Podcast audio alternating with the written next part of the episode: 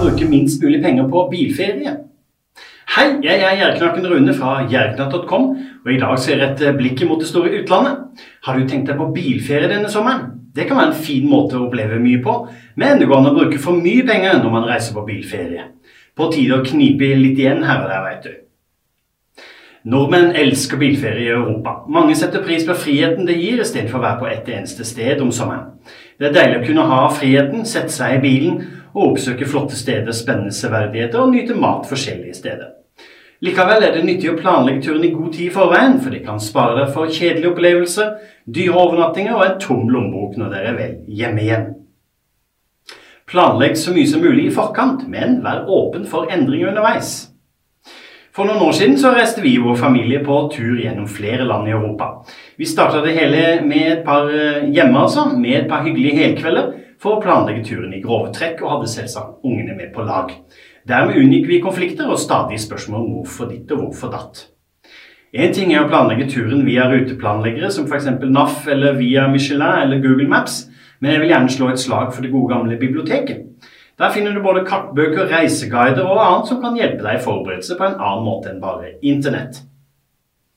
Bukk nødvendig transport god tid i forveien. Avhengig av hvor dere bor i Norge, kan det være kjekt å bruke ferjene til Sverige eller Danmark som en velfortjent pause. Da gjelder det selvsagt å finne de billigste overfartene. Leit deg gjennom nettsidene til de forskjellige selskapene, men forsøk dagsturer for å unngå lugarer og fordyrende fristelser. Sjekk forsikringer og viktige dokument du bør ha med deg. Vær sikker på at du har med vognkort og internasjonal skademelding, og at du har kontroll på reise- og bilforsikring. Ikke glem å bestille det blå helsetrygdekortet som gir deg rett til gratis medisinsk behandling i EU-EØS-land. I tillegg bør du ha med trafikkforsikringsbeviset, det såkalte grønne kortet. Det er et internasjonalt forsikringsbevis som gjelder for tre måneder av gangen. Det bekrefter at du har ansvarsforsikring for bilen din. Snakk med forsikringsselskapet ditt for å få beviset. Det kan spare deg for en del bryderi i utlandet. Skal du forresten gasse rundt med bilen i sørlige eller østlige strøk, bør du også sjekke om du må ha internasjonalt førerkort tilgjengelig. Hva bør du ha med deg i bilen? Selvsagt vet du sikkert hva som er smart å ha med seg når en reiser på langtur med bil, men jeg ville iallfall tatt med noe verktøy, startkabler, slepetau, jekk, varseltrekant, førstehjelpsskrin, lett tilgjengelig, ikke under all bagasjen, og reiseapotek. Refleksvest, kanskje også flere enn bare én, det kommer nemlig an på hvilket land du skal til. Lommelykt, reservenøkkel, mobillader og kanskje også en nødlader. Og det er naturlig nok viktig at du faktisk sjekker at alt er tilgjengelig, ikke bare gå ut fra det. Planlegg hvordan og hvor dere skal overnatte. En utgift på turen er naturlig nok overnattingene, alt etter hva slags standard man ønsker seg.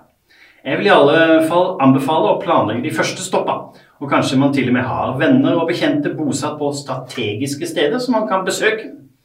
Jo bedre man kan planlegge overnattingene i ro og mak på forhånd, jo enklere blir det å finne de rimelige stedene, enten det er snakk om hoteller, Airbnb eller campingplasser. Husk at du fort kan spare penger ved å leite utafor sentrale byer og litt unna motorveien. Dersom du ikke ønsker å planlegge overnattingene i lengre tid i forkant, fins det nettsider som har oversikt over resterom hos forskjellige hoteller, Sjekk ut f.eks. laterooms.com, eller søk deg frem til andre sånne. Ikke bruk unødig med penger på mat. Mye av kosen for de voksne på tur er vel å slippe å lage mat alle døgnets tider, men det blir jo dyrt i lengda å gå på restaurant. Her gjelder det å gjøre klar proviant til turen eller dagens etappe. Sørg for at du har plass til en kjølebag som rommer kald drikke, frukt og nistemat. På rasteplasser ved motorveiene betaler en i dyre dommer for mat, ofte av dårlig kvalitet. Skal man ta en lengre pause, er det vel like hyggelig å kjøpe mat og drikke hos en lokal baker eller i en matvareforretning og ta piknik i naturen. Husk bestikk, kopp og tallerkener og sånt, så er du klar til å smøre og nyte god mat uten å bruke en masse penger. Er du på et fremmed sted og jakter på middagsmat, bør du absolutt leite deg fram til de gode og billige restaurantene. Det gjør du enten ved å bruke tjenester som TripAdvisor, der du også kan sortere på pris fremfor Michelin-stjerne. Ellers er det jo enkelt å spørre lokalbefolkningen, hvis du kan språket, da, om de har steder å anbefale. Da kommer man både i snakk med folk og slipper unna de verste turistfellene. Husk forresten at det kan skje at du havner i endeløse køer dersom du kjører på motorveiene, og da er det særdeles viktig å ha med mat og drikke tilgjengelig i bilen. Hvis ikke kan du kjapt ende opp i et familiedrama, veit du. Planlegg bensinforbruket og hvordan du skal betale minst mulig for drivstoffet. Ferie med bilen innebærer for de fleste av oss utgifter til bensin eller diesel. Derfor er det ekstra smart å unngå å måtte stoppe ved de stasjonene som er dyrest. I tillegg er det smart å betale med kredittkort, som gir opptjening av bonus også i utlandet. Min anbefaling er i dette tilfellet Flexivisa, som gir deg 4% rabatt på kjøp av drivstoff både i Norge og i utlandet. Men siden det er en begrensning på 200 kroner i bonusoppsamling per måned, kan det være smart å ha flere kort i hånda, f.eks. 365 direkte, som gir 2% bonus i utlandet, eller 3% hvis du har DNB Mastercard. Vi i vår familie har fleksikort til både meg sjøl og fruen for å sikre oss komplett bonus.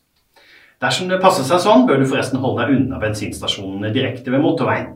Forskjellen er kanskje ikke enorm, og det lønner seg selvsagt ikke å kjøre lange omveier for å få lavest mulig pris, men du kan fort spare en del på å fylle opp tanken på landsbygda eller i byene.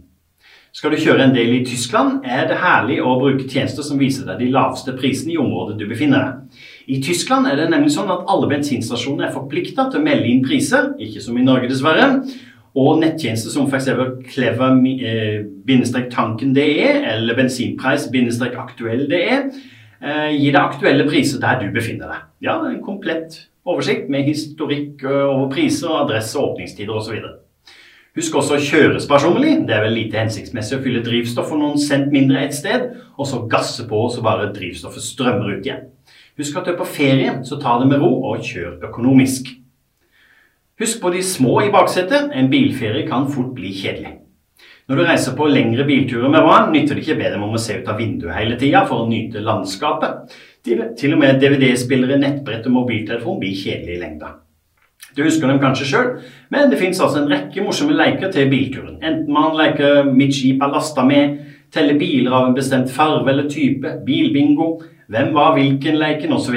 Her er det enkelt å google seg fram til gøyale leker med f.eks. leker til bilturen.